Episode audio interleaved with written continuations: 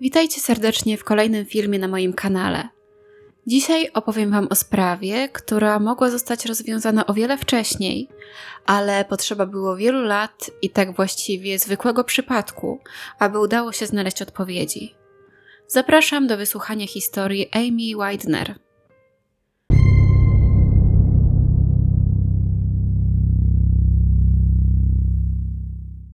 Amy mieszkała wraz ze swoją matką Glorią, starszym bratem i dwoma młodszymi siostrami w Indianapolis. Gloria rozwiodła się ze swoim mężem, ojcem dzieci i musiała bardzo ciężko pracować na utrzymanie swoje, swojego syna i trzech córek. Tworzyli jednak zgraną, wspierającą się rodzinę. Można chyba powiedzieć, że swoim zachowaniem wpoiła Amy pewną etykę pracy – ponieważ dziewczyna również bardzo ciężko pracowała na wręcz doskonałe wyniki w szkole. Nie oznacza to jednak, że migała się od domowych obowiązków. Jej rodzina wspominała, że to ona zdecydowanie najczęściej z nich wszystkich przygotowywała obiady. Gdy jednak Amy miała zaledwie 14 lat, wydarzyło się coś, czego jej rodzina zdecydowanie nigdy by się nie spodziewała zaszła w ciążę z kolegą swojego brata, który rzucił ją, gdy tylko się o tym dowiedział. Nastolatka przez pięć i pół miesiąca ukrywała swój stan przed rodziną. Nosiła bardzo workowate ubrania i nikt się nie zorientował. Jednak w końcu musiała przecież powiedzieć swojej matce. Płacząc, wyznała jej, że jest w ciąży i błagała, aby nie przestawała jej kochać. Gloria była zszokowana. Nie tego spodziewała się po swojej córce, wzorowej uczennicy. Zdecydowanie jednak nie miała najmniejszego zamiaru przestać ją kochać czy wspierać. Amy, mimo młodego wieku, zdecydowała się na samotne wychowywanie dziecka. Emily urodziła się 25 października 1987 roku. Cała rodzina rzuciła się do pomocy młodej matce. Amy była bardzo wdzięczna za tę pomoc i zdecydowanie nie zamierzała zrezygnować z nauki z powodu opieki nad dzieckiem. Jej mama podejrzewała, że nastolatka w przyszłości chciałaby zostać nauczycielką. Już sześć dni po porodzie Amy wróciła do szkoły. Coś, co dla mnie osobiście wydaje się wręcz niewiarygodne. Mimo bycia bardzo młodą matką, jej doskonałe oceny nie ucierpiały. Dziewczyna uwielbiała szkołę i wciąż znajdowała się na liście najlepszych uczniów. 13 listopada 1989 roku Emily miała już dwa latka. Tego dnia Amy bolało gardło, więc postanowiła zostać w domu. Gloria zaproponowała nawet, że zaprowadzi Emily do opiekunki, jednak nastolatka wolała sama się nią zająć. Około 9.30 Gloria była już w pracy i próbowała dodzwonić się do Amy, ale nikt nie odbierał. Zaniepokojona zadzwoniła do sąsiada i poprosiła, aby zajrzał do nich. Po chwili mężczyzna oddzwonił z wiadomością, że pukał do drzwi, ale nikt mu nie otworzył. Gloria bardzo zaniepokoiła się tą informacją i natychmiast pojechała do domu. To, co w nim zastała, zmieniło jej życie na zawsze. Od samego wejścia do domu nawoływała swoją córkę, ale nikt jej nie odpowiadał. Gdy Gloria weszła do jej sypialni, ugięły się pod nią nogi. Amy leżała na swoim łóżku. Jej ubrania były rozdarte. Została pobita i nie oddychała. Wszędzie była krew. Emily nie było z nią, więc Gloria na nogach jak z waty zaczęła jej szukać po domu. Na szczęście dwulatka żyła. Wyglądała na całą i zdrową. Gloria natychmiast zadzwoniła po pomoc. Niestety nastolatki nie udało się uratować. Sekcja zwłok wykazała, że została pobita, zgwałcona i uduszona. Na jej głowie były liczne rany. Oględziny miejsca zbrodni wykazały, że z domu zniknął drogi sprzęt stereo należący do brata Amy oraz 50 dolarów. Napastnik najprawdopodobniej wszedł do środka przez niezamknięte tylne drzwi. Zostawił na ścianie sypialni Amy krwawy odcisk dłoni. Fragment ściany wraz z pościelą i ubraniami nastolatki zostały zabezpieczone przez policję i dodane do dowodów. Na pościeli były śladowe ilości nasienia, z którego oczywiście można było wydobyć DNA sprawcy. Funkcjonariusze sądzili, że zbrodnia miała charakter rabunkowy. Ktoś chciał ukraść sprzęt stereo i nie spodziewał się, że nastolatka będzie w domu. Idąc dalej tym tropem, wywnioskowali, że sprawcą musiał być ktoś znajomy, kto wiedział, że w budynku znajduje się kosztowny sprzęt i nikogo nie powinno być w tym czasie w domu. Rodzina nie wierzyła jednak w tę wersję. Nie mogli sobie nawet wyobrazić, że ktoś znajomy mógłby dopuścić się tak strasznego czynu. Mimo to przesłuchano bardzo wielu nastolatków, którzy przyjaźnili się z bratem Amy, w tym ojca Emily. Od sąsiadów i przyjaciół brata nastolatki pobrano również próbki włosów i odciski palców.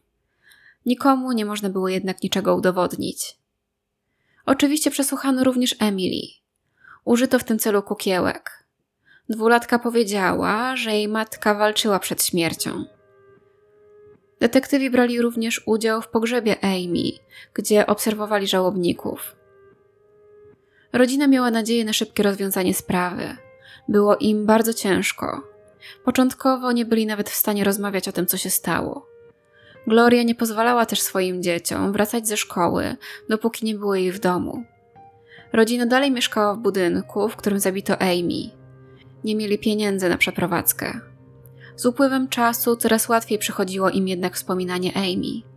Zdjęcie dziewczyny w jej ulubionych ubraniach, czyli żółtawym golfie i kamizelce w kwiatki, zajmowało honorowe miejsce.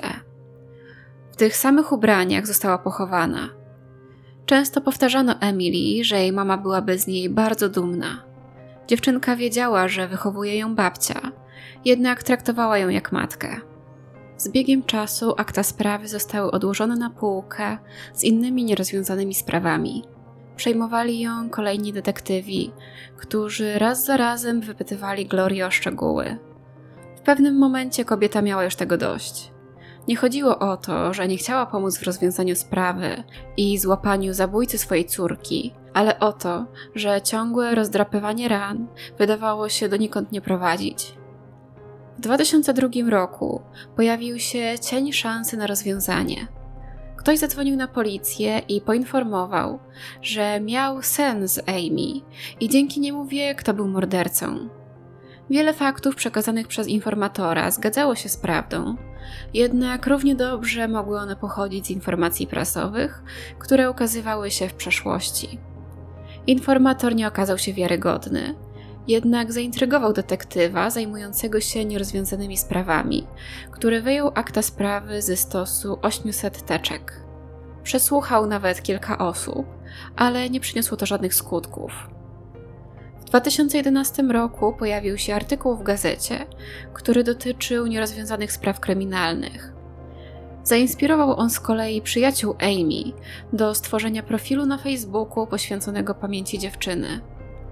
Rok później na tę stronę natrafił detektyw zajmujący się właśnie takimi sprawami. Mężczyzna nie był zbyt biegły w obsłudze komputera, więc poprosił o wydrukowanie informacji zamieszczonych na profilu kolegę z biurka obok, Billa Cartera. Bill pracował w jednostce do spraw uciążliwości, jego praca polegała na kontakcie z osobami, które mieszkają w zaniedbanych domach, mają dużo zwierząt, informowaniu w mediach społecznościowych o imprezach masowych oraz innymi sprawami, które mogą być uciążliwe dla miejscowej ludności. Oczywiście pomógł detektywowi wydrukować informacje, ale również sam bardzo zainteresował się tą sprawą. Mężczyzna postanowił przestudiować akta i właściwie rozpocząć śledztwo od początku wybrał się w okolice domu Amy i przesłuchiwał sąsiadów. Oczywiście wiele osób od tamtego czasu wyprowadziło się, jednak niektórzy wciąż tam mieszkali. Rozmawiał również z osobami, które w 1989 roku były nastolatkami i przyjaźniły się z Widenerami. W pewnym momencie padło nazwisko Rodneya Denka, był on na liście osób, z którymi policja powinna porozmawiać w tej sprawie, którą podyktował jeden z sąsiadów. Rodney nie pojawił się wcześniej w aktach, mimo że świadkowie byli pewni, że wspominali o nim policji w minionych latach. Może został przeoczony, ponieważ w śledztwie przewijało się mnóstwo nazwisk podejrzanych. Rodney Denk był jednym z najlepszych przyjaciół brata Amy. W lipcu 2012 roku mieszkał z matką i gdy Carter zapukał do jego drzwi, nie było go w domu. Bill Carter zostawił swój numer telefonu z prośbą, aby do niego oddzwonił i Rodney zrobił to jeszcze tego samego wieczoru. Umówili się na spotkanie za kilka dni, jednak Denk nigdy się na nim nie pojawił. Okazało się również, że niespodziewanie wyprowadził się od matki, od kilku dni nie pojawił się w pracy, wypożyczył samochód i gdzieś przepadł. Ta sytuacja oczywiście bardzo zaintrygowała Cartera. Trudno o bardziej typowe zachowanie kogoś, kto ma coś do ukrycia. I oczywiście popchnęło to Cartera do sprawdzenia akt mężczyzny. Okazało się, że Rodney Denk został aresztowany w 1997 roku za kradzież, więc jego odciski palców były w bazie danych. Carter zlecił badanie, które wykazało, że są zgodne z odciskami dłoni znalezionymi na ścianie w dniu zabójstwa Amy. Policji szybko udało się znaleźć uciekiniera.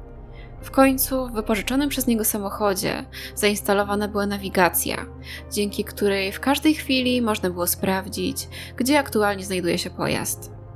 Gdy Denk zobaczył funkcjonariuszy, przedział sobie żyły w nadgarstku i przystawił nóż do gardła. Mimo to udało się go aresztować. Podczas przesłuchań wielokrotnie zmieniał swoje zeznania. Ostatecznie przyznał się do zabójstwa Amy, jego motywem miała być kradzież zestawu stereo. Powiedział: Nie wiedziałem, że ona tam jest. Byłem w pokoju Johna Pola. Wziąłem radio, a ona wyszła z za rogu i uderzyłem ją w głowę. Cóż, może to prawda, że chciał tylko ukraść sprzęt i nie spodziewał się, że ktoś będzie w domu. Może w panice zaatakował dziewczynę i zabił ją. Ale nie mogę pojąć, jak w takim razie doszło do gwałtu. Niemniej policja podejrzewała, że Denk nie dokonał tego sam. Krążyła plotka, że ktoś przyznał się kiedyś, że tamtego dnia był w domu Amy i ją zgwałcił, ale jej nie zabił. Denk nie potwierdził tej wersji, a tylko jego zeznania mogłyby kogoś obciążyć. Sprawa została więc zamknięta. Mężczyzna otrzymał wyrok w wysokości 65 lat pozbawienia wolności, 50 za morderstwo i 15 za gwałt. Rodzina Amy była w szoku, że mordercą okazał się ktoś, kogo znali. Deng brał udział w pogrzebie nastolatki i wielokrotnie później gościł w ich domu. Gloria spodziewała się, że na sali rozpraw zobaczy potwora, a tymczasem siedział tam po prostu rodnej. Deng miał 18 lat, gdy zamordował Amy. Kilka lat później spłodził syna, z którym nie utrzymywał bliskich kontaktów. Dylan Ray Mieszkał ze swoją matką w Kentucky. W wieku 17 lat chłopak chwycił za kij baseballowy i ją zabił. Został za to skazany na 20 lat pozbawienia wolności. Podobno początkowo wyrok miał być wyższy, ale został złagodzony, ponieważ chłopak był maltretowany przez tę kobietę. Tak więc syn Rodneya był w momencie zamordowania swojej matki zaledwie o rok młodszy niż jego ojciec, gdy zabił Amy. Mam nadzieję, że to zdanie ma dla Was sens i rozumiecie, co mam na myśli. Obecnie Denk i jego syn przebywają w różnych więzieniach, ale niewykluczone, że kiedyś będą w tym samym. Sytuacja, gdy ojciec i syn przebywają w tym samym więzieniu za różne zbrodnie, jest bardzo rzadka.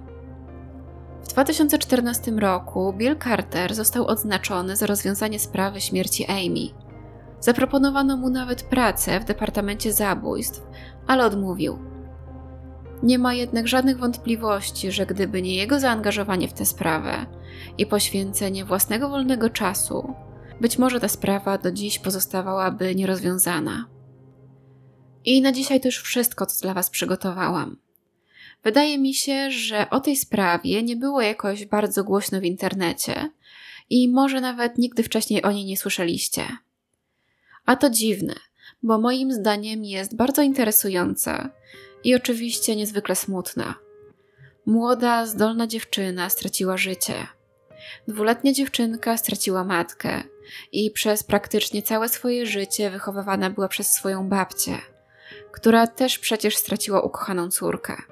Aż coś mnie ściska za serce, gdy uzmysłowię sobie, jak wiele bólu i cierpienia przyniósł ten głupi pomysł Rodneya, aby ukraść sprzęt swojego przyjaciela. Jestem bardzo ciekawa, co myślicie o tej sprawie i mam nadzieję, że podzielicie się ze mną swoimi przemyśleniami w komentarzach. A tymczasem trzymajcie się bezpiecznie i do usłyszenia już niedługo.